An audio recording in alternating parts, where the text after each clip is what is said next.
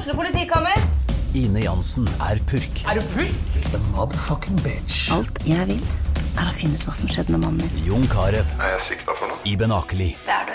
Ole So, Lars Berrum og Big Daddy Karsten. Hvem sin side er du på, egentlig? Anette Hoff, Tone Danielsen, Kommer du fra Afrika? Jørnis Josef, Nesten. Kløfta. Trond Espen Seim. Det er synd å si det, men det var feil mann som døde. Purk. Premiere søndag på TV2 Play. Et godt råd fra Apotek 1.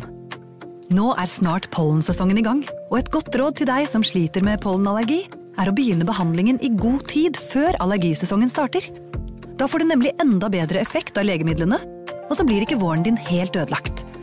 Kom innom og få råd på ditt nærmeste Apotek 1, eller chat med oss på apotek1.no.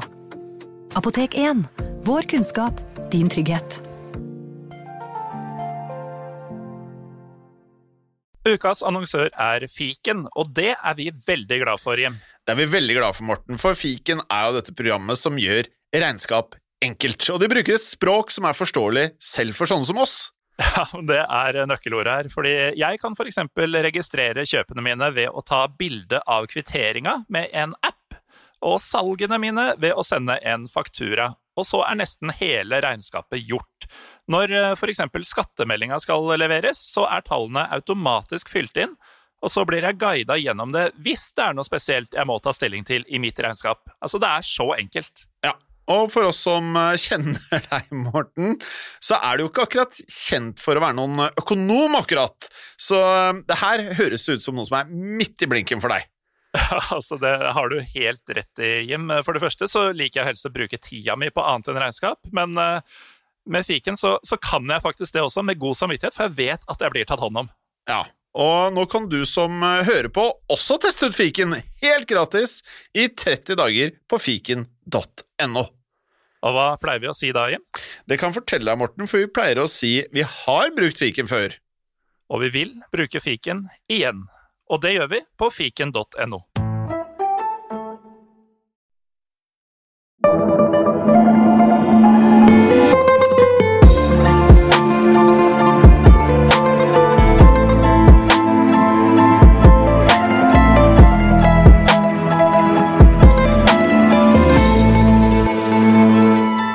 Hjertelig velkommen til eh, Gangsterpodden. Jeg merker at uh, jeg har sjelden vært uh, mer klar til å knuse noen skaller og dra fram kvelervaieren enn jeg er nå. Og det, det kommer av sånne tekniske problemer når det skjer, det, når det skjer noe utenfor min kontroll på te teknikken. Uh, om det er i dette tilfellet disk, Google Disk, som det, det var ting bare det, det stemte ikke. Da blir jeg så forbanna, Jim. Hei!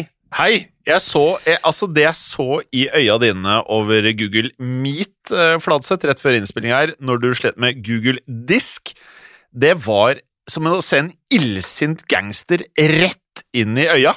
Du så jo helt vill ut. Ja.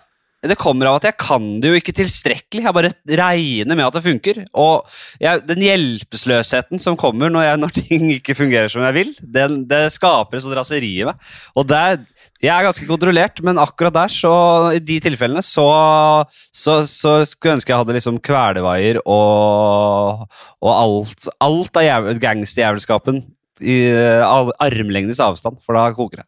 Altså, min uh, favorittsitcom er uh, som nå sikkert går for 25. år på rad i reprise på alle mulige TV-kanaler i verden. Og der er det én episode med Jerry Seinfeld som minner meg veldig om deg. Ja. Og, og, det er den episoden hvor Jerry prøver å bli sint på de som driver og snylter på leiligheten hans. Så bare. Shut up! Og så får George Costanza helt lættis. Bare 'Du er ikke sur, Jerry. Kom igjen, da'. Og så kommer Kramer ja. inn, og så begynner han å spise rett fra kjøleskapet til Jerry, og så blir han sint på han. Og så ser Kramer litt bort på han, så får han helt lættis. 'Kom igjen, da, Jerry, du er ikke sint'. Og så kommer Elaine, og så gjør hun det samme. Og til syvende og sist, det er liksom Jeg hører at du blir sint, Fladseth, men jeg tar deg ikke seriøst. Jeg tenker jo ikke at du er så sint.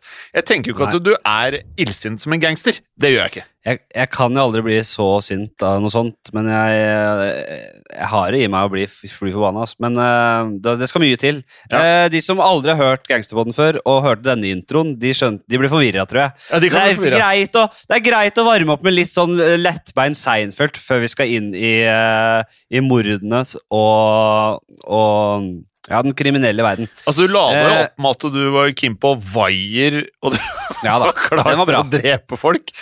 Den, eh, akkurat den starten var på ballen, men så sklei det ut med Seinfeld og det ene og det andre. Ja. Vi skal jo ja, vi skal jo til en ikonisk historie innenfor uh, ja, gangsterverden, får vi si, uh, i dag. Ja.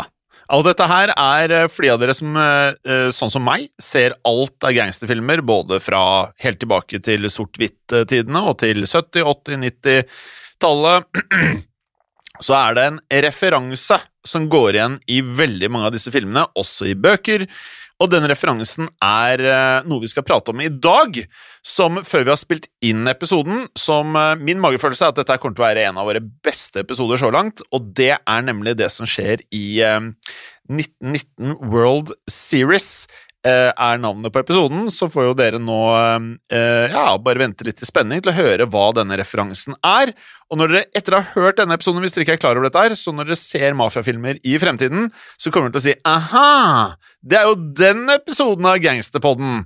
Så la oss starte. For i dag så skal vi tilbake til eh, et berømt mysterium fra 1900-tallets New York City, og vi skal prate og, og bli kjent med en helt, helt spesiell forretningsmann. Ja. Og denne forretningsmannen er, eh, eller var, Arnold Rothstein. Og da vet du at du har med en, eh, en, en som kan sakene sine å gjøre. Eh, meget presist. Du vet, du bare hører på navnet at her er det kontroll. Han ble også kjent da under kallenavn som The Brain, The Fixer og The Big Bankroll. Åh, jeg liker det. Jeg liker alle tre. Jeg hadde nok sagt Arnold Rothstein, ikke Rothstein. Det er valgfritt. Ja, er det det? Ja, så vidt jeg har hørt. Jeg har hørt at det er valgfritt, faktisk. Ja, kanskje er det. Men jeg kan godt si Rothstein. Altså, hvis du, Nei, du må ikke er- Gjør som du vil, Flatseth. Du uh, kan Nei, jo jeg ikke er enig, jeg er enig i det. Altså. Jeg er enig, altså. Rothstein. Det står stein, og da sier jeg stein. Så, men jeg, jeg har hørt det. Jeg har hørt det. Uansett eh, hva du velger å, å, å, hvordan du ønsker å uttale etternavnet hans, så er kallenavnet noe som sier litt om Arnold. Eh, for dette viser jo til en person som eh, folk forbandt med både penger og et intellekt, altså et hode for å skape verdier.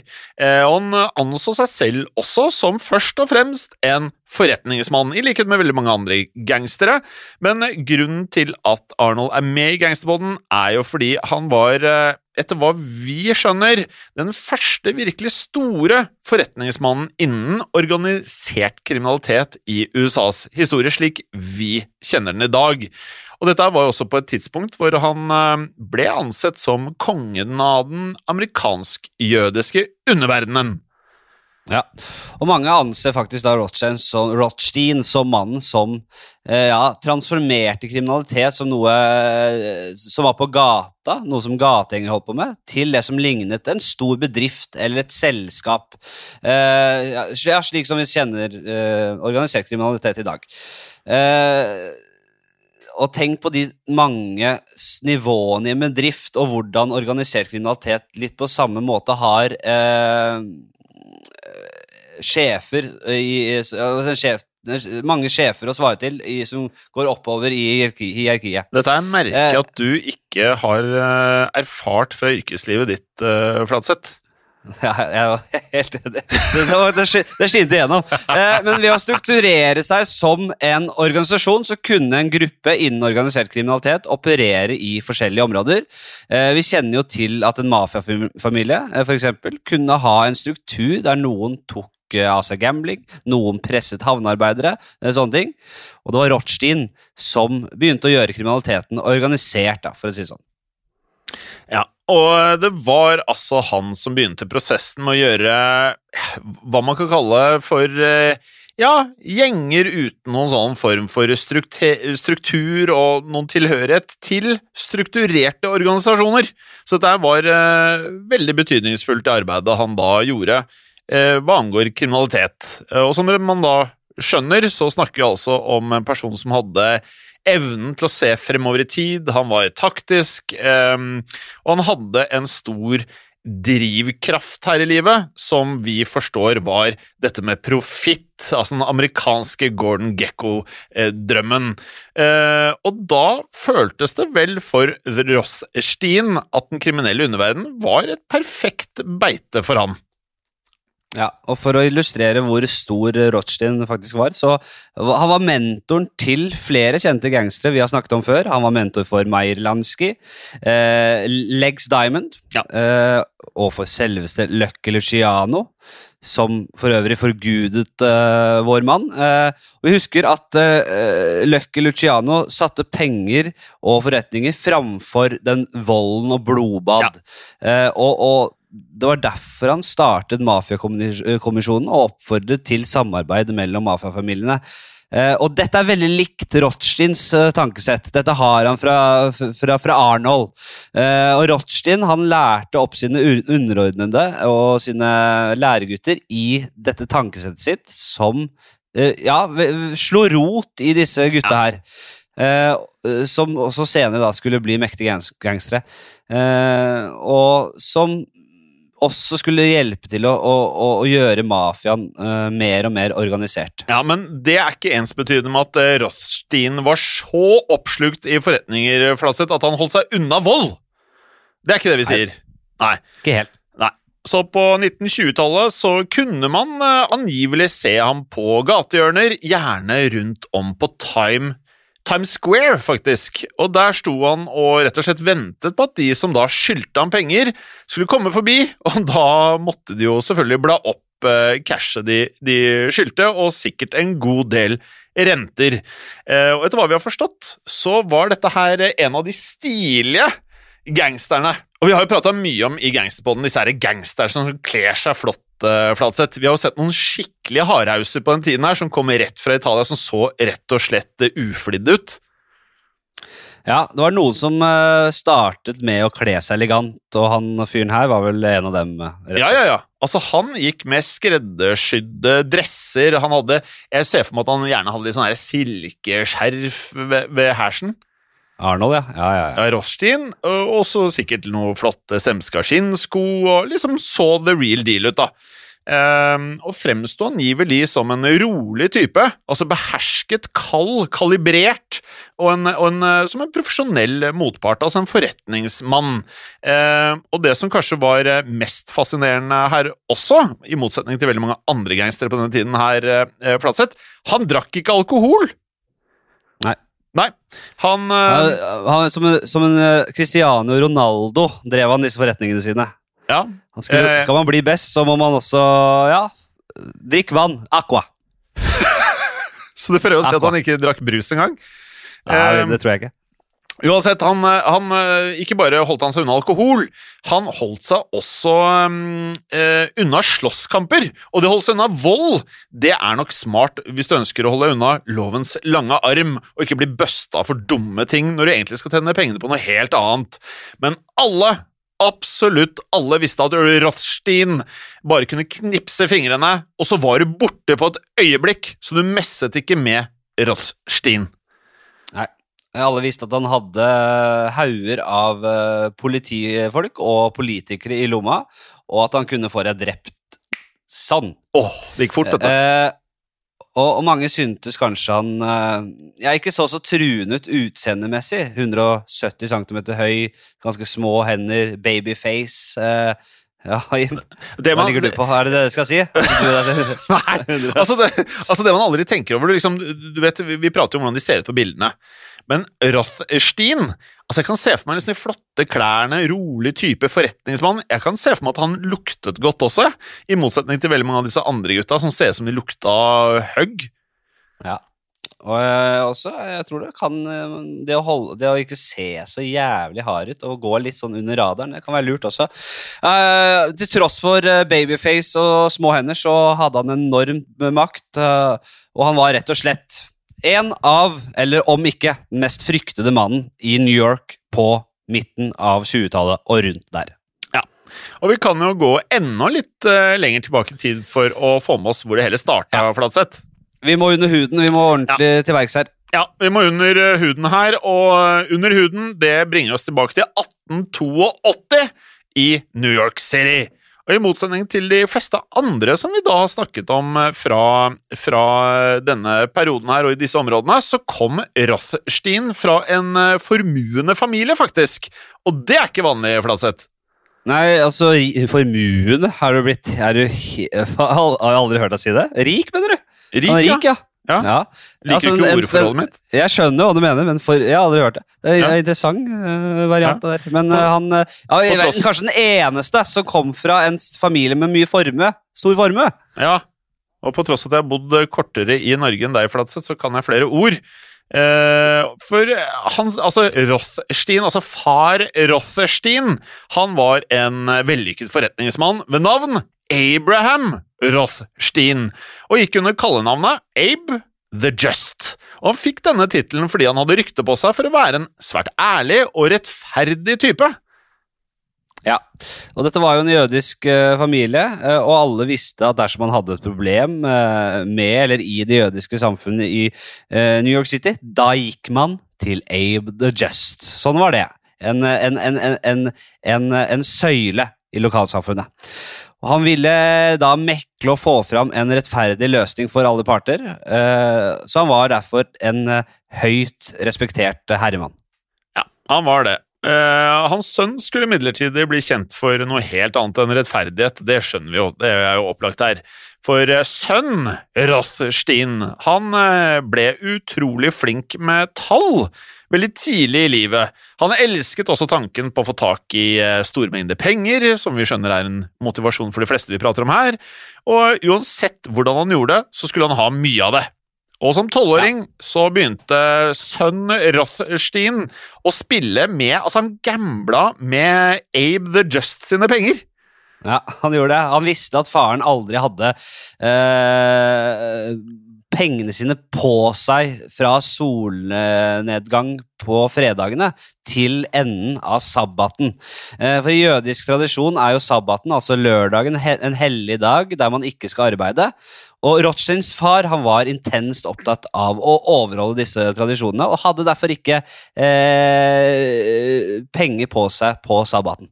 Han hadde ikke det. Men eh, sønn Rothstein Flatseth, han var ikke like opptatt av eh, tradisjoner. Nei, Arnold, mener du? Ja, Arnolden, ja. Ja, Arnold var ikke det, nei. Nei. Men, men, men det var gamle Det var gamle Rothstein. Men Arnold, nei. Han var jo en rabbagast. Han bryr seg ikke om tradisjoner. For som tolvåring, så Som vi nå skjønner, så begynte han rett og, rett og slett å nappe ut eh, farens penger, eh, og gjerne på en fredagskveld, for deretter å da satse disse pengene i, av alle ting, terningspill, og det er jo veldig mafiate. Ja, Du sier alle ting, fordi det er ikke så vanlig i dag, men dette, var det, e- dette føler jeg det var det eneste spillet man dreiv med. Ja, men det var kort, svært på den tida. Men kort var s- Jo, kort, ja. Kort og terningspill. Det var det det gikk. Ja, ja da.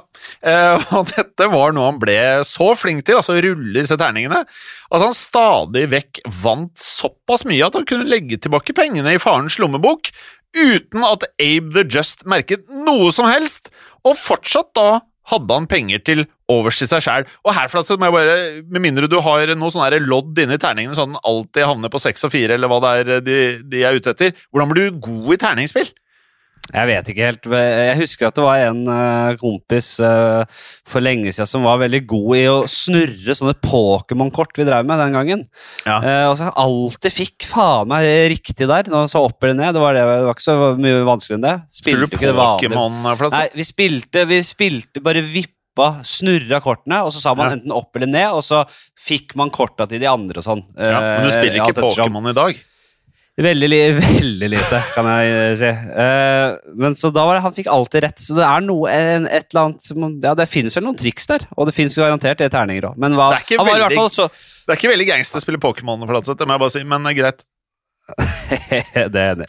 Han, uh, han, uansett om han juksa eller ikke, han var i hvert fall ærlig, relativt ærlig overfor faren da han betalte tilbake hver krone. Så det var et slags, et slags Ja lån, da. Ja. Eh, men dere hører jo at han var på skråplanet. Rothstein, unge Rothstein, eh, sønn Rothstein, Arnold Rothstein. Han droppet etter hvert ut av skolen fordi han eh, ja, brukte ethvert ledig øyeblikk til å øve seg i alle slags kortspill og spill med tall. Dette ble greia hans. Han var helt forelsket i spillene. tallene og grynene. Eh, faren eh, forsøkte å få ham eh, til å følge i hans egne ærlige fotspor, men Rothstein han var helt uinteressert. Han, han, han visste hva han ville. Han rømte eh, hjemmefra da han var 17 år for å bli en omreisende selger. Ja. Han gikk sine egne veier, altså. Ja. Men eh, når Arnold eh, ikke jobbet, hva drev han med da, mon tro? Ja, da gambla han som et lite helvete. Rett og slett. Drakk kanskje? Nei, han drakk ikke. Det var, det gikk Han drakk han drakk ikke? Han bare, jo, han, bare gambla. Nei, det syns jeg nesten er litt creepy. Det er nesten litt creepy. Og ikke slåss han. Nei, det er noe, ja, det er litt slags, slags Ja, artig type. Men, men han var jo god med tall, da, Fladseth. Eh, og det talentet for tall gjorde han til en eh, kløpper i også det andre jeg nevnte, nemlig kortspill. Og der skjønner jeg at det å være god i kort, det kommer Altså, det får du, får du igjen for. Men det å kaste terninger Jeg har ikke helt skjønt meg på det, med mindre du har lodd i terningen, eller hva det gjør. Eh, og det skulle ikke ta lang tid før, eh, før unge Rothstein begynte å få eh, høye tanker om seg selv. Og han begynte å se på seg selv som eh, en langt smartere type enn folk rundt seg, og selvfølgelig folk på samme alder. Med rette. Eh, Med rette. Med rette. Ja, ja, med rette, er du gæren. Eh, og han mente jo da at alle rundt han var eh, ja, ganske like og mer følgere enn ledere. Med andre ord så så han på folk rundt seg som eh, saueflokk. Ja, han sa senere eh, For, og jeg siterer For hvert geni det finnes her i verden, så finnes det to millioner idioter. Og selvfølgelig var han det ene geniet blant millioner av brødhuer i hans øyne. Eh, og det var nettopp av denne tankegangen at han eh, begynte å insistere da på at alle skulle kalle ham The Brain. Det er ikke så rått å insistere på det selv, selvfølgelig. Men eh, ja vel. Var han litt nerd, han her fyren? Ja, var han litt smånerd til å begynne med? Ja, men det er klart å du er god på tall, vet du. Ikke drikker, ikke slåss. Det er jo en litt annen type, type enn en, en det vi er vant til her. Jeg liker det. var- Jeg liker det. Ja, De andre var liksom cool kids. Men um, uansett, dette var ikke et kallenavn eh, han fikk av andre, som du nevnte. Eh, dette var jo noe han kom på sjæl, og han nærmest krevde Han krevde at folk skulle eh, gå etter dette kallenavnet her, The Brain. Eh, og da er, er det rimelig å anta at det var et litt Ikke bare var du nerd, men det er jo et ego involvert her. Ja, det, det, var noe, det var et eller annet greier der i hvert fall. Eh, Han tilbrakte mesteparten av tiden sin eh, med eh, denne gamblingen og finpusset på kortspillferdighetene sine. Likevel, uansett hvor flink man er i kortspill, så kan man ikke vinne hver eneste gang. Eh, Og Rothstein skjønte dette, og han likte det dårlig. Han Ja. ville vinne hver gang. Og det kan jeg forstå. Alltid. Hver bidige gang. Og det konstante eh, brennende ønsket i han om å få mer og mer penger, eh, det gjorde også at han ikke klarte å leve med at han tapte eh, i ny og ne. Men så gikk det opp for han at det finnes en måte man kan vinne på hver gang. Ja, Det finnes måter å vinne på hver gang, Flatsen, men kanskje ikke alt som er redelig. Som han sa selv, if anyone was going to make money out of gambling, he had better be on the right side of the fence. I was on the wrong end of the game. Så den eneste som alltid ville vinne hvert eneste spill, var selvfølgelig den som eide selve kasinoet. Ja. Rothstein elsket penger over alt annet, og gambling og kortspill hadde bare vært en metode for å få tak i dette. Hvis en annen metode fungerte bedre, så forlot han det gamle og begynte på noe nytt. Eh, Nå så han en, eh, en ny mulighet her til å tjene haugevis av penger. Eh, og da Rothstein var i, i slutten av 20-årene, tok han alle eh, sparepengene sine og åpnet et kasino. Og deretter åpnet han enda et, og enda et, og enda et. Og enda et, eller?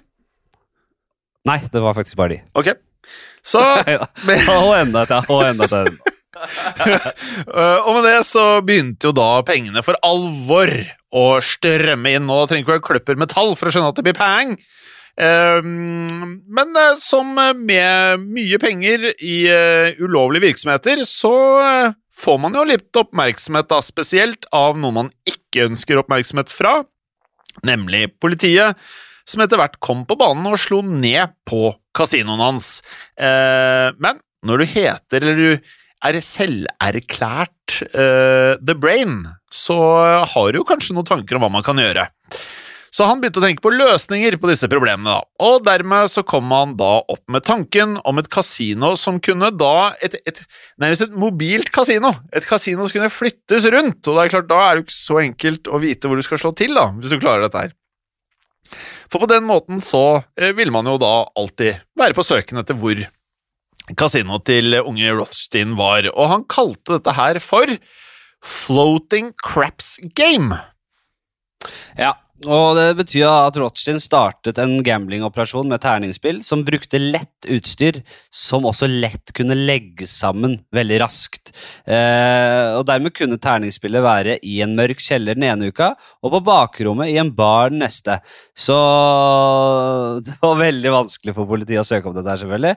Eh, og man kunne da flytte rundt på seg konstant, eh, og ja, som sagt så var det helt umulig å spionere Eh, på, eh, på, en operasjon som hver kveld byttet hjemmested. Ja, og da kunne han jo konsentrere seg om å bare håve inn Gryn, uten at politiet da skulle være på, på ferten av operasjonene her.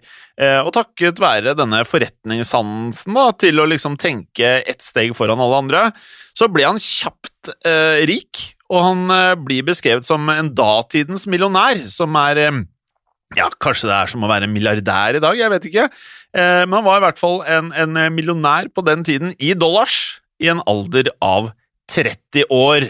Eh, og nå har vi da kommet til eh, nærmere bestemt 1912, så det er en stund siden dette her. Det er en uh, god stund siden. Det er jo da rett før uh, første verdenskrig brøt ut, og samme år som Titanic sank. Det er, det er det, jeg husker det årstallet, så jeg, jeg, kan ikke så mye sånn facts på, på stående fot. Nei, jeg ble kommer, helt overrumplet over det du kom med. Ja, ja, men jeg har brukt den før, så jeg ja? Jeg, jeg, syns du alltid skal si Titanic ja, når det er 1912. Ja, det er det. Og lytter tenker Ja da, vi har fått med ja, da, Henrik. Vi har fått med oss at du kan det året Titanic-sang. Ja, Veldig fantastisk. bra. Du er, oi, for et klisterhjerne! Ja, nei, men jeg, da har jeg sagt det nok. Eh, det, da, kanskje du har lært det? Kanskje det har begynt å sette seg, eh, kjære lytter. og i 1912 så var Rothstein i, i, i sin S. Og han var jo selvfølgelig ikke lei av penger. Eh, han ville alltid ha mer. Han gikk rundt med store summer på, med penger på seg. Um, han kunne faktisk ha opptil 100 000 dollar i lommene. Uh, og det, eh, det var den derre myke knitringen av sedler som han likte så godt. Det var som musikk i ørene hans. ikke sant? Det er det han har fortalt selv, i hvert fall. Han pleide ofte å ta frem seddelrullene og telle dem for hånd uh, om og om igjen. Så han, har, han var jo som en slags sånn Gollum her, da. Hvis man altså, tenker Altså, han, han hadde, det hadde tippa over. Ja, det er sånn Onkel Skrue og Lykkeskillingen. Bare står og gnukker ja. på pengene. Eh, og etter en stund så begynte han eh, rett og slett da å organisere gambling i hesteveddeløp. Og det er en naturlig progresjon her, det skjønner jo alle. Og selv med årevis med hesteveddeløp, så kunne han ikke eh, skille én hest fra en annen. Så han var ikke, liksom, han var ikke begavet på hester, tydeligvis. Eh, han var mest opptatt av statistikk og tall, så det var hester for han. Rett og slett statistikk. For i stort sett alle tingene han drev med, så var det egentlig ja, det var profitten som sto i sentrum, og det eneste han brydde seg om.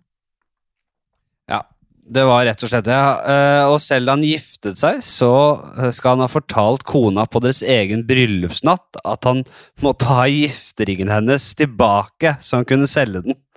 Så hun skulle ha gitt den til han, faktisk uten å mukke. Hun kjente vel til, litt til hvordan han var. Eh, så ja, hun eh, kan tenke deg det, da. Altså, da er, jo, da er jo rett og slett helt vill når du er så gjerrig. At det, det høres ut som en sånn overdrivelse av hvor gjerrig en person kan bli. Som en sånn vits, men det her gjorde han faktisk. Han skulle ha tilbake gifteringen på bryllupsnatta. Og det her kan jeg like. Ja, det tipper jo over til å bli en komedie. Ja, ja. Jeg kan like dette her, jeg. Ja. Um, men det var da ennå godt at hun visste dette, her, og at det ikke kom som en overraskelse da, at uh, han, han, var opptatt av penger. Han, han fremsto som gjerrig. Han er en gjerrig type, eller? Hun, vil, hun, hun, hun, kunne vel leve med uvanen hans da, så lenge han tjente så mye penger for dem. Ja. Og sikkert hadde noen kvaliteter. og jeg ja. vet det. Ja. Uansett, da. Rothstein han organiserte operasjoner på operasjoner med eh, kriminelle, kriminelle planer her. Og slik vi forstår det, så organiserte han alle de kriminelle virksomhetene slik han ville organisert en, en, ja, en vanlig, legit uh, forretning, som vi snakket om tidligere her. Uh, og det inspirerte de kjente gangsterne som han da var mentor for, som vi da nevnte, blant annet Luciano, uh, fremover i tid, da. Ja, og som, eh, som, faren hans hadde til vane, så begynte også eh, vår, eh, vår, mann eh, å, å, mekle mellom New Yorks rivaliserende gjenger, eh, selvsagt mot en pen sum. Eh, og På den måten så ble han anerkjent og en respektert figur blant byens gangstere. Men selv om han fikk stadig mer penger, og selvfølgelig mer penger og mer og mer territorium, så følger det også makt. Så han var eh, fortsatt en forsiktig type, og han skal ha sagt eh, noe som er cirka som følger, Flatseth. I knew my own limits when I was 15 years old. Since then, I never bet against a guy I didn't know I could beat. Så han betta mot alle han kunne slå! Og det er en fin ja, strategi. Det høres ut som et sitat uh, som er litt kjent. Skjønner du hva jeg mener? Ja. Men jeg har hørt det før. Kanskje brukt mye gangsterfilmer? Han var kalkulert, vet du. Han, var, han hadde Smarting, full kontroll. Og han gjorde ting også gradvis, uten å kaste seg inn med hodet først. Dette har vi jo hørt uh, går igjen blant de aller ypperste gangsterkongene, da, rett og slett. Ja. De tok de, Noen var jo helt ville, men de daua også tidlig, vet du. Ja, ja, de sto helt Scarface oppe og skøyt og var helt gale. Og hadde det gøy fram til det, men det, det, det varer ikke veldig lenge. Uh, I disse hesteløp hesteveddeløpene vi snakket om, så begynte han gradvis å betale jockeyene for å tape med vilje. Og På denne måten så kunne han vedde mot dem og håve inn gevinst. Eh, og Han startet i det små og rigget løpene så han fikk utbetalt beløp som var eh, profitable, men ikke høye nok til at det var mistenkelig. Men ettersom årene gikk, så veddet han da høyere og høyere summer på løpene han selv hadde rigget. Eh, og så Han testet hele tiden grensene for hvor mye han kunne vinne med juks. Og dette var jo forløperen til ja, ja, det, nå, det store. Ja, nå har vi kommet, uh, bare for å liksom plassere år her, så har vi kommet til 1919, uh, eh, som er et viktig år for nettopp denne historien her. For uh, her kommer vi tilbake til det mysteriet da, som vi nevnte i starten her. For dette året skjedde nemlig noe veldig stort, Fladseth. og selv om det aldri ble bevist, så er mange overbeviste om at dette var Rothsteins verk. Ja, og det er jo ganske rått at det aldri ble bevist heller. Ja, ja, ja. Og eh, veldig mye tyder på at det er Rothsteins verk, selvfølgelig. Så han var en kløper. Eh, og vi snakker da selvfølgelig om The World Series i baseball i 1919. Baseball var og er en av USAs favorittsporter. Ikke, jeg, jeg skjønner ikke helt er, jeg, jeg, jeg, så Moneyball, den baseballfilmen med Brad Pitt og Jonah Hill her om dagen. Og mm. fikk faktisk litt med sansen det. altså. Lite grann.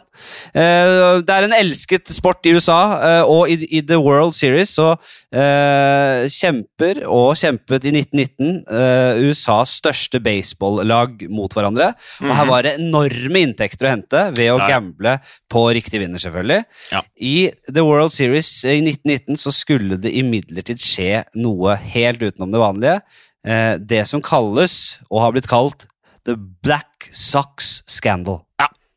Og øh, vi, kan si da, vi, kan jo si det sånn, da. To store baseballag øh, skulle jo da selvfølgelig møtes for å kjempe om øh, denne gjeve tittelen.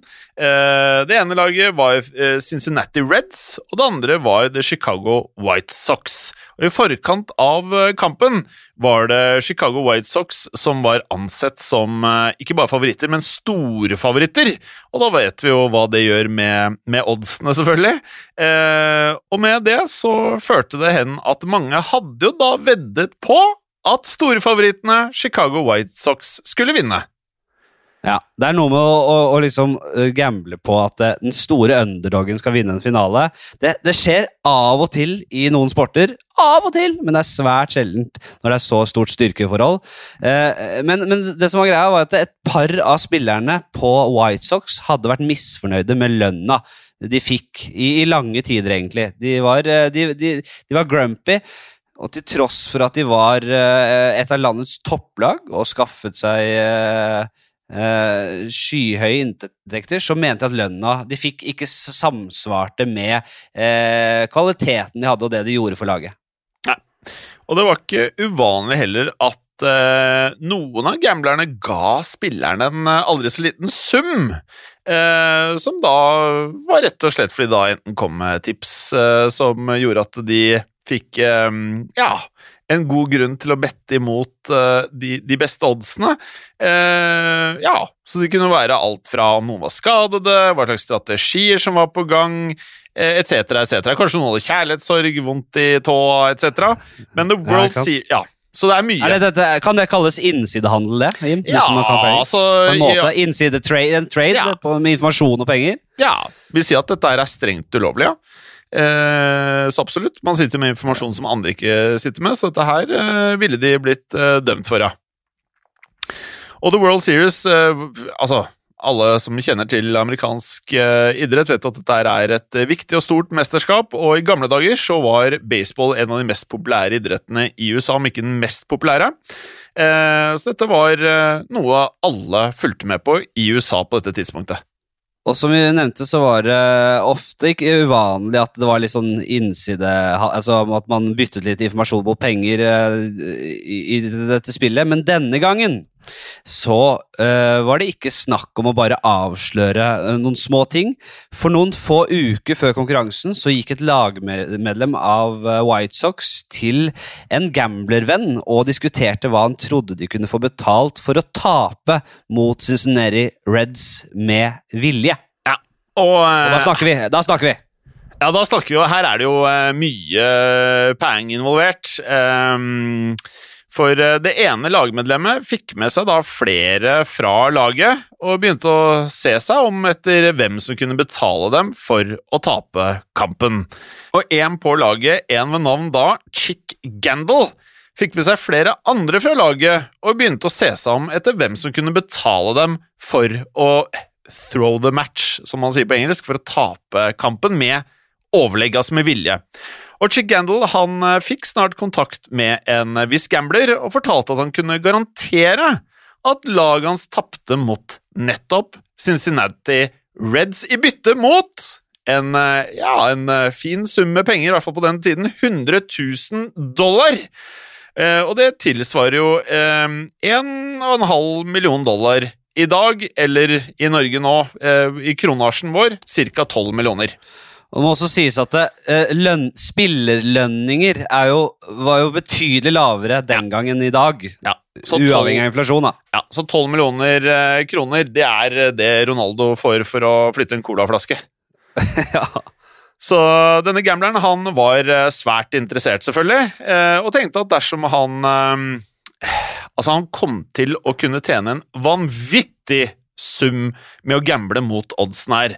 Så eh, ville jo da også ryktet hans som en kompetent gambler rett og slett skyte i været på, rundt omkring i gatene i New York. Ja, og denne, denne gambleren som vi har omtalt her, var tilfeldigvis også livvakten til selveste Rothstein. Eh, og for å få tak i de 100 000 dollarene, så gikk gambleren til sjefen sin og spurte om han kunne finansiere dette. Men Rothstein han skjønte at han bare gjorde det eh, for å forbedre sitt eget rykte, så han sa nei til dette. Men Chicago White Sox de fortsatte å lete etter interessenter som var villige til å betale godt for at de skulle tape mot Cincinnati Reds i mesterskapet. Så de solgte seg da inn til flere gamblere. Da mesterskapet endelig ankom og White Sox skulle spille mot Cincinnati Reds, ble folkemassene og fansen sjokkerte da White Sox da tapte gang på gang. Og som man spiller dette her i USA, så er det jo gjerne da flere ganger at de samme lagene møtes eh, mot hverandre i en slags serie, i motsetning til hva man er vant med i fotball her i Europa, som gjerne da er borteoppgjør og hjemmeoppgjør eller én kamp, og så er man ferdig. Kan vel sammenlignes litt med sluttspillet i hockey? eh, Ja, eller NBA, for eksempel. det. eksempel. Ja, det er vanlig i USA. Det er vanlig i USA. Eh, og blant annet så er man ikke like fan at lag rykker opp og ned fra divisjoner, og det er sånn man har løst det. Uansett, da mesterskapet endelig var over, så viste det seg at Chicago White Sox hadde vunnet eh, fem av totalt åtte kamper, mens White Sox kun hadde vunnet tre, og med det så vant jo da Chicago White Sox. Så denne avtalen mellom spillerne fra White Sox, de griske spillerne på White Sox og gamblerne, hadde rett og slett ført til en gigantisk oddsbombe. Men det tok ikke lang tid før ryktene begynte å summe her. Rykter om at uh, det hadde vært skittent spill, eksploderte, og i 1920 så ble Eh, spillerne rett og slett etterforsket. Eh, lagmedlemmene fra White Sox som hadde tatt betaling for å tape, tilsto faktisk hva de hadde gjort.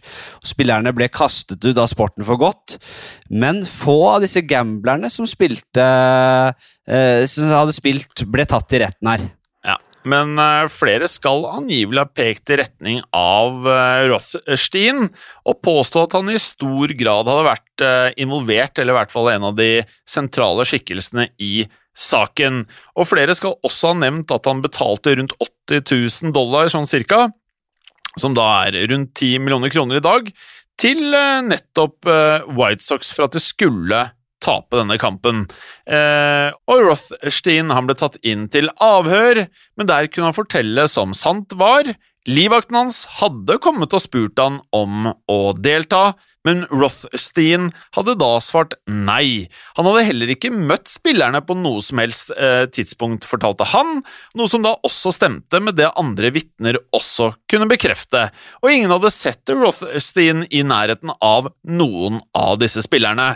Og dette var overbevisende slik politiet anså det, og med det så lot de Arnold gå, og han ble dermed aldri siktet for noe som helst med dette å gjøre.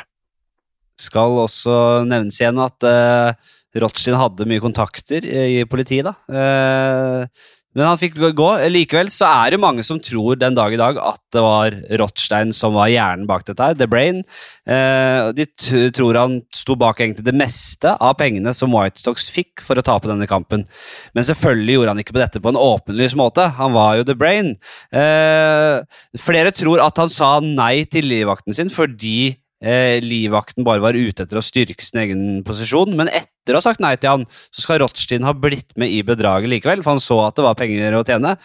Han skal selv ha organisert flere andre bestikkelser gjennom ulike kontakter, eh, slik at de kunne gå og betale spillerne eh, for å tape. Og I stedet for å gå til spillerne selv, så samarbeidet han med mange personer for å betale og organisere dette. Så det var en stor operasjon. Eh, på denne måten så ble det rett og slett svært vanskelig å spore Rothstein, men han kunne jo likevel ta ut en enorm gevinst her. Ja, for det var faktisk en svært utbredt og også populær teori eh, om at det var Rothstein som sto bak, selv om det aldri ble bevist. Dette for noen så oppleves dette som en konspirasjonsteori, eh, kan man nesten trekke en slutning om, men for mange så, så er dette her mer eller mindre slik det var. Eh, og vi kan jo kalle han et lite geni, da. Han, han, var jo veldig god med tall, han var forut sin tid, eh, og var allerede vant til å gjøre dette her eh, i stor skala i, i hestevedløp. Og selvfølgelig da så var det ikke unaturlig å tenke at det var Rothstein som også var involvert i eh, det vi nå har pratet om, og derfor så har han blitt portrettert som den store hjernen, altså the brain, bak, eh, bak det hele. Eh, og han har jo også fremkommet i teaterstykker, filmer, bøker, så dette er utbredt. Ja, og det er jo det som gjør det til et mysterium, da, og som gjør det så mye omtalt, er jo også at det er en liten usikkerhet her. Og, om man var involvert, litt involvert, eller om man ikke hadde noe med det å gjøre i det hele tatt, rett og slett. Uh, og dette var um, i aller høyeste grad en uh, fyr som holdt uh, kortene tett i brystet. Han var jo smart, han var flink, så han ble sjelden siktet eller tatt for noe som helst. Noe som da selvfølgelig var passende for en som så seg selv som en forretningsmann. For da 1920-tallet ankom, så skulle han ta forretningen til et helt nytt nivå, denne Rothstein. Ja, og det er klart Rothstein benyttet seg av muligheten eh, som dukket opp da det ble forbudstid. Det, det, er vel ikke noe overraskelse i det hele tatt. Han visste eh, hva folket ville ha, og ville mer enn gjerne selge det til, til dem, selv om han ikke drakk sjøl. Han sa til kollegaene sine, og nå fant jeg et sitat på norsk, så da tar jeg det på norsk. Vi liker gjerne engelske sitater her, men jeg tar det på norsk. Han, han sa til kollegaene sine eh, forbudstiden vil vare lenge, og så vil den avvikles. Men den kommer til å være her en god stund, det er helt sikkert. Jeg mener at flere og flere etter hvert vil ignorere loven, og vi kan tjene en formue på å møte dette behovet. Noe han selvfølgelig hadde helt rett i, og det har vi jo pratet om flere ganger. i Forbudstiden det var en gullalder for uh, mafia, gangstere, alle som ville tjene penger ulovlig. Uh, for han åpnet da smuglerruter for rett og slett kunne smugle sprit fra Canada.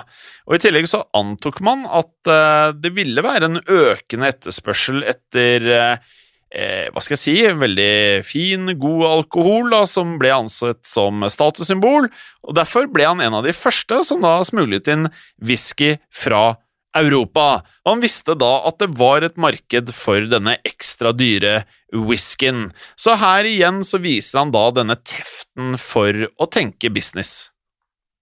Ja, tror han hadde vært over i Skottland og, og, og smakt, prøvesmakt og plukka ut òg, eller? Hadde han, han, hadde ikke nes for det.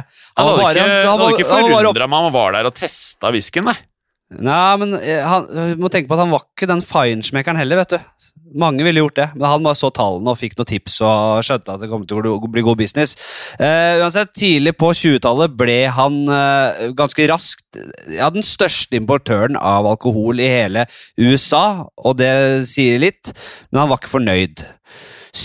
Spritbransjen uh, ga nemlig ikke like stor profitt som han ønsket seg. Han ville jo alltid ha mer, ikke sant? Mm. Og sprit krevde også en veldig komplisert infrastruktur for transport.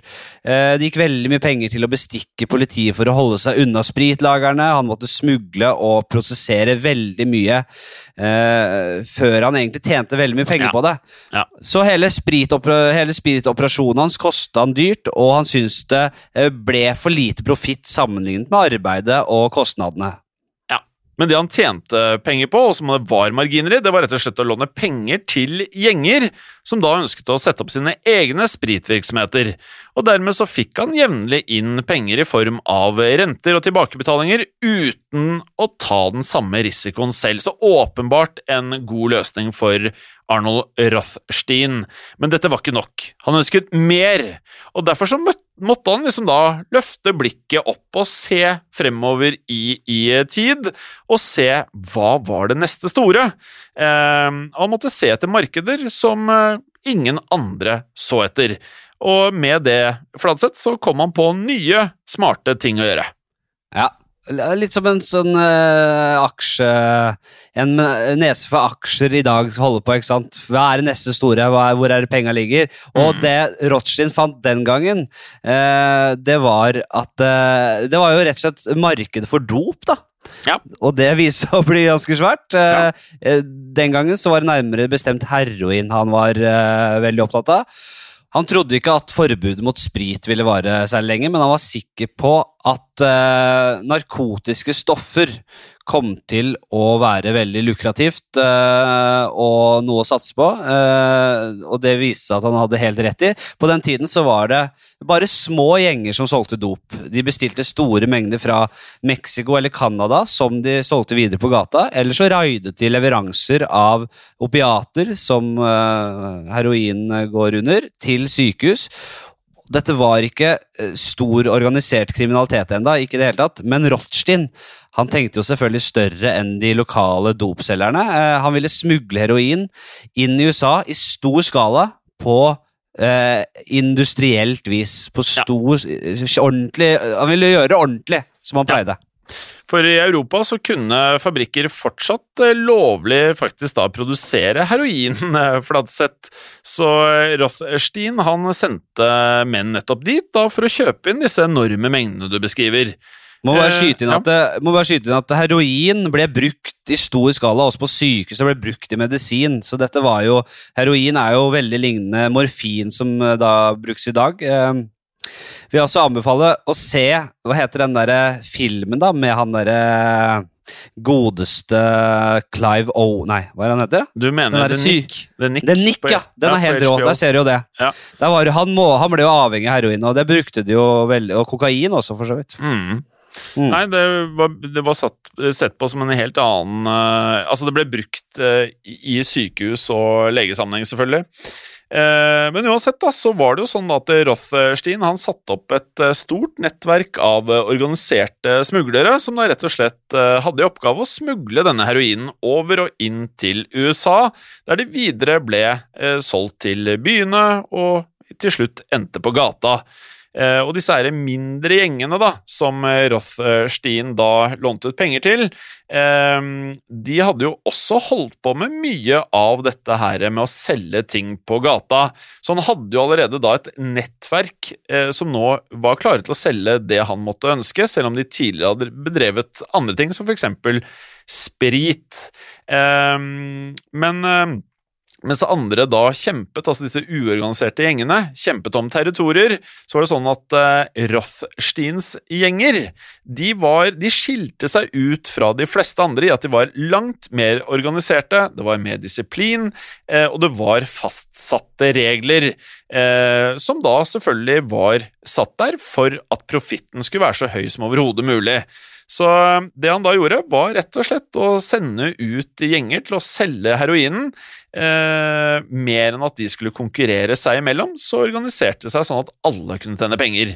Og ettersom da heroin og salg av heroin i denne skalaen på gata i eh, USA var nytt, så blir det jo egentlig som å være en gründer som starter opp en, eh, en ny business eller en ny måte å tenke på, så man må prøve seg frem og finne den mest mulig eh, hva skal jeg, lønnsomme måten å gjøre dette på.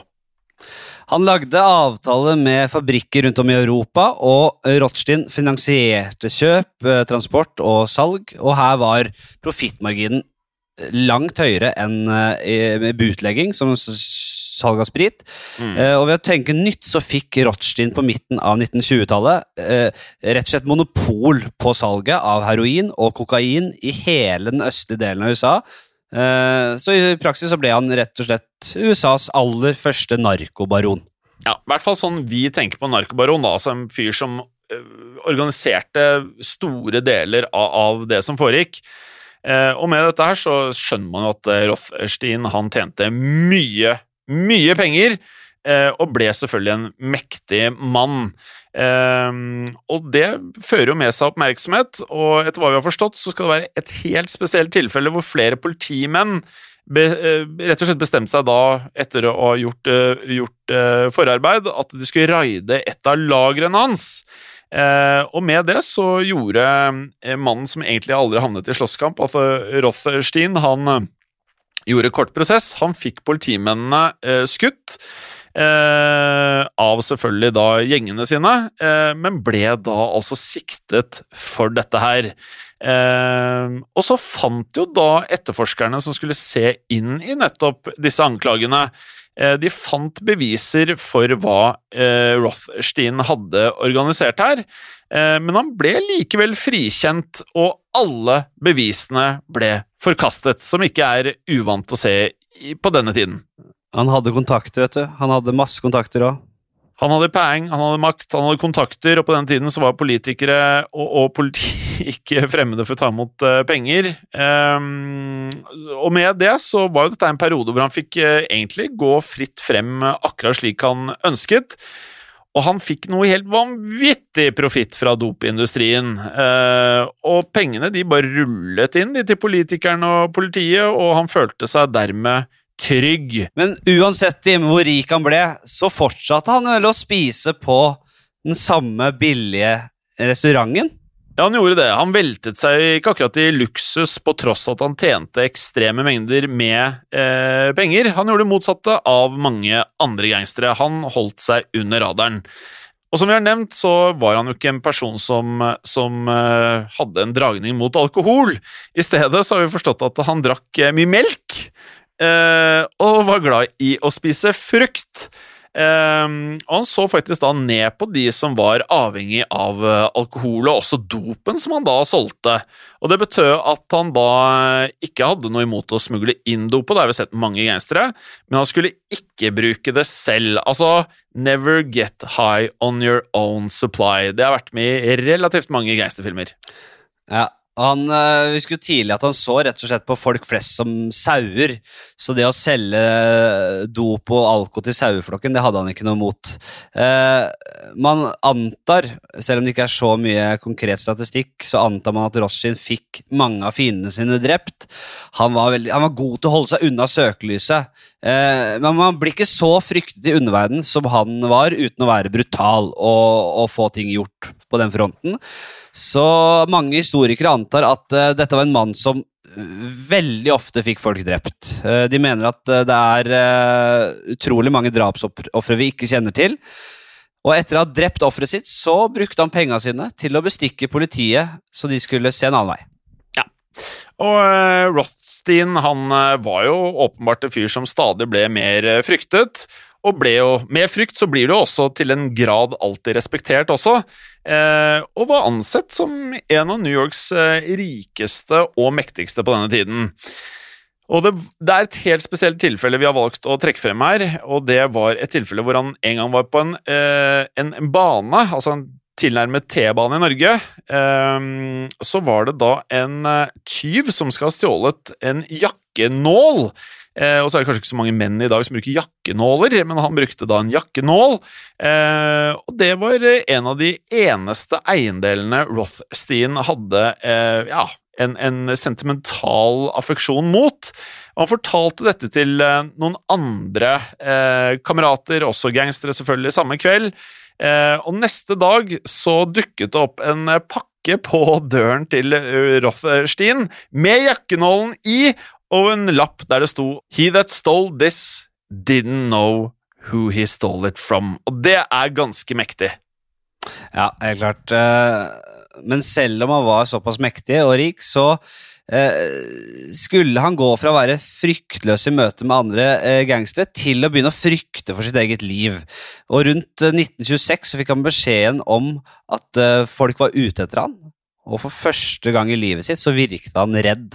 Han øh, var rett og slett øh, Ja, begynte å snike seg inn en paranoia her. Øh, og ikke lenge etter at han fikk denne beskjeden, så skjedde noe som skulle gjøre han enda reddere. Han var i et bygg og så en mann som lignet litt på han selv i høyde og utseende. Og da denne mannen gikk ut av bygget, så kom det to menn til bort til ja, dobbeltgjengeren, siktet på han med pistoler og uh, måka han rett inn i en bil. Og Rothstein var jo overbevist om at det egentlig var han de var ute etter. Og at de hadde tatt feil ved et uhell, og det er sjukt å være vitne til. Ja, det er helt sykt. Det er nesten sånn uh, Det er nesten så man ikke kan tro på det, men uh, angivelig så har det hendt, da. Et annet spesielt incident her er noe som fant sted i 1927. Um, hvor Rothstein hadde parkert foran et hotell, og da han kom tilbake til bilen, så var bilen rett og slett pepra full av kulehull. Uh, og det er også liksom en del av hverdagen til en, en fyr som The Brain, da. Men det var først i 1928 at eh, Rothstein virkelig på nært hold skulle uh, føle hvordan det var å ha en som skulle drepe han etter seg. For uh, i oktober, så um, ved en anledning hvor han da igjen var ute og gamblet, og skal angivelig ha da tapt rundt 320 000 dollar, som i dag tilsvarer nesten 5 millioner dollar. Og det skal ha gjort at en del andre gamblere faktisk da ble ganske irriterte. Eh, og han hadde et samarbeid med disse eh, gamblerne, da, og skyldte en derfor store summer når han tapte disse pengene. En måned senere, i begynnelsen av 1928, eh, så dro Rothstein til et businessmøte på et hotell. Og det er ingen som vet den dag i dag hvem han traff der. Men det viste seg at det som skjedde der inne, var at han ble skutt to ganger i magen. Og mens han lå og kravlet og holdt for disse skuddsårene, som det fosset blod fra, selvfølgelig, så fikk han tak i eh, noen av hotellets ansatte. Han ba dem om å skaffe en taxi. I stedet så ringte de både ambulansen og politiet, og han ble hentet og hastet av gårde til eh, sykehuset. If I survive, I will take care of it. If I die, then my crew will do it instead. Og det er ganske beinhardt å melde, Flatseth. Ja, det er helt vilt. Og det er det, det Han sa ikke noe mer enn det. Uh, han havnet så i koma, og mens han lå der, så kom advokaten og elskerinnen hans på besøk. Elskerinnen holdt i hånden hans uh, og brukte den, altså hånda til Rothschild, uh, brukte hånda til Rothschild til å skrive et nytt testamente. Så de kunne si at han hadde skrevet det selv. Og de skrev i testamentet at begge de to skulle arve formuen hans. Så de, Ja. De, var, de var småsleipe, de òg. Ja, det er jo eh, en eh, variant. eh, Og litt over en dag etter at han ble skutt, så da var vi kommet til eh, 6. november i 1928, altså, så døde Rothstein av skadene. Advokaten og elskerinnen hans fikk seg da en overraskelse da det viste seg at Rothstein hadde enorme mengder med gjeld, og at hele formuen hans straks ble utbetalt til en rekke eh, av de han da eh, skyldte penger til, da. Så arven var mer eller mindre eh, fraværende. Ja, det er for, fortjent, vil jeg si. Eh, for de to uh, jævlene der, ja. Ja da. Eh, og det var ingen som ble dømt for dette drapet på Rothstein, men eh, politiet var ikke så ivrig etter å undersøke saken heller. De visste at dersom de forsøkte å etterforske denne saken grundig, så kom de bare til å avdekke en gedigen flote, floke av Rothsteins eh, lovbrudd, og denne floken ville jo strekke seg inn eh, til både politiet og myndighetene, og de var lite gira på det. De ville jo ikke, ville ikke avsløre dette her. Dette var jo en dyp eh, konspirasjon, rett og slett. Så Rothsteins eh, dopindustri i den østlige delen av USA gikk jo da mer eller mindre oppløsning når han døde. Og fra da så startet eh, Da startet liksom dette her med at det var konflikter mellom organiserte miljøer om å da rett og slett ta over kontrollen over dopsalget. Så det var et vakuum, klassisk, i, i, i denne verden her. Um, og etter hvert så vet vi jo, det har vi pratet om i andre episoder, så, så ble jo mafiaen mer og mer organisert. Til slutt så kom syndikatet, uh, og da ble de selvfølgelig da den store playeren i dopindustrien. Uh, en kamp som man ser ettermælet av den dag i dag. Rothstein han var eh, 47 år gammel da han døde. Ikke halvgæren alder, men han har vært borti verre. Det, jeg syns han skal være fornøyd, jeg, når han leder sånne greier som det der. 47 år gammel, altså. Eh, så det hadde vært spennende å vite eh, hva han hadde gjort hvis han liksom fikk leve i 20 år til, da. Jim. Ja. Ja, For det tror jeg hadde blitt uh, Han var åpenbart en, en stor ressurs, om mulig på feil side av loven, men ja, ja. Ja, Men uansett så er det sånn at han var pioneren i måten han tenkte på den gang, og siden så har vi jo sett en rekke gangstere ja. gjøre dette her, også til bedre effekt, men han var liksom den som, etter hva vi forstår, har vært tidligst ute med dette her, og, og det at han da er personen som da rigga 1919 World Series i baseball, det er noe dere kommer nå til å høre og legge merke til i så mange gangsterfilmer fremover, og da vet dere storyen. Så dette her er veldig Det er en kul story. Meget kuriøst. Så med det, Jim, har du en, en passende låt i dag? Ja, jeg gikk ut ifra at det uh, burde være en eller annen referanse til dagens episode. Og i og med at vi da har pratet om baseball, så valgte jeg et band som heter The Baseballs. Uh, og de har en sang som er, heter Umbrella, som er en remix av en, en uh, kjent sang av en helt annen sangerinne som heter Umbrella. Uh, og, og, den slenges nå rett inn i spillelisten vår Gangsterpodden på Spotify. Og til dere da som ikke følger oss på Instagram, gjør gjerne det. Vi heter Gangsterpodden. Vi heter Gangsterpodden på um, andre sosiale mediekanaler, som f.eks. Facebook, og så har vi en gruppe som heter Historie for alle. Og med det så kan dere gjerne rate oss på iTunes med disse stjernene. Da blir vi veldig glad. Og du kan høre oss neste uke, med mindre du har driti deg ut og spilt bort alle penga på kasino. Men gjør som Rothstein. Hold det gangster.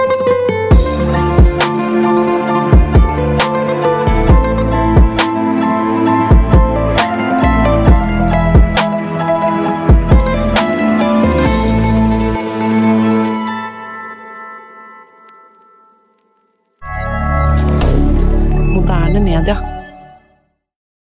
Kiwi er billigst i VGs matbørs og har vært billigst i fire av de fem siste VGs matbørser. Og nå presser vi prisen på påskevarer fram til 1. april. På 1,25 liter assortert Henning Olsen sørlandsis presser vi prisen fra 74,90 helt ned til 49,90. På assorterte 250 ml Cevita og Bendit smoothies presser vi prisen fra 1990 helt ned til 12,90 pluss pant. For det er vi som er prispresserne. Og vi i Kiwi gir oss aldri på pris.